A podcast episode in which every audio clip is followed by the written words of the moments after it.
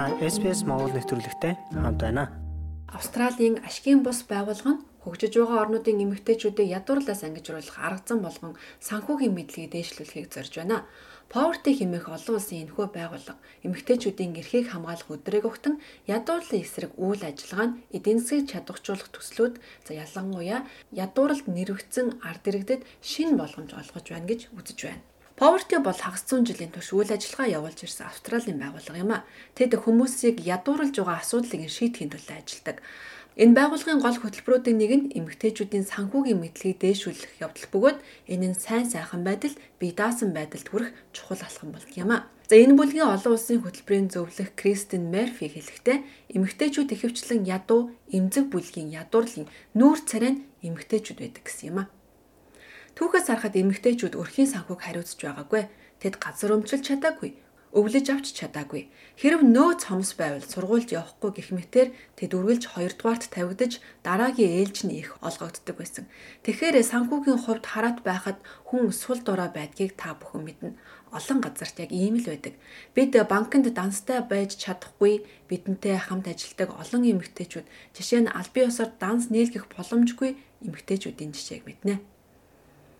Хадагтай Мерфи хэлэхдээ олон хүн амьдралдаа сэтгэл санааны маш том гүн хямралтай амьдарч байгааг хэлсэн юм а.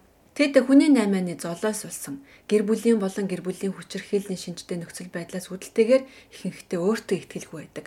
Тэд хизээж өөрийнхөө төлөө шийдвэр гаргаж байгаагүй. Өөртөө гаргасан жижиг шийдвэртээ урамшиж ирж байгаа нь бидний хувьд сэтгэл хөдлөмж байдаг.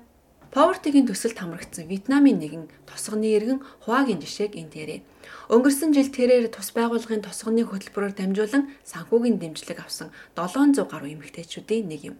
Бичил санхүүгийн сургалтанд хамрагдсны дараа тэрээр олон нийтийн чиглүүлэгч болж өөрийн тосгон болон зэрэгэлдэх тосготуудаар дундын зээлийн тогтолцоог бий болгожээ. Олон нийтийн чиглүүлэгчийн хувьд би илүү хөгжсөн гэж боддгоо би шинэ газруудаар явж олон хүмүүстэй уулзаж тэд надад тусалсан шиг тэдэнд тус болохыг хичээдэг. Шин санаагаа хуваалцдаг нь надад сайхан байдаг. Хадгаламжийн бүлгүүдтэй хэрхэн харилцаж хүмүүсийг татгаа аажмаар би суралцаж байна. Тэдэнд тайлбарлаж, зааварчилгаа өгч, бүлгүүдийн тавьсан асуултанд идэвхтэй хариулж чаддаг. Өөр нэг Вьетнам тосхны иргэн 3RTTN Power-тэйгээр дамжуулан нэгтлэн бодох бүртгэлийн шинэ программыг ашиглах сургалтанд хамрагджээ. Энэ нь өмнөх нэгтлэн бодох бүртгэлийн аргаас ихээхэн дэвшил болсон. Бид өмнө нь бүртгэл өгтөл санхүүгийн тооцоо хийдэг байхад буруу тооцоолол гарч амаргүй байдаг байлаа. Одоо бид ил тод ажиллах нь илүү хэлбэр болохыг олж мэдсэн. Багийн гишүүд нь хэрэг хэмжээний хэмнэлт хийснээ харах боломжтой болж энэ нь манай удирдлагын зөвлөлтч бас ашиг тустай байгаа. Тэд бүлгийг удирдахад илүү хэлбэр болж байна. Кристен Мерфи хэлэхдээ уг хөтөлбөр дээр ярьсан хоёр эмэгтэйчүүдийг олон эмэгтэйчүүдийг чадваржуулах зорилготой.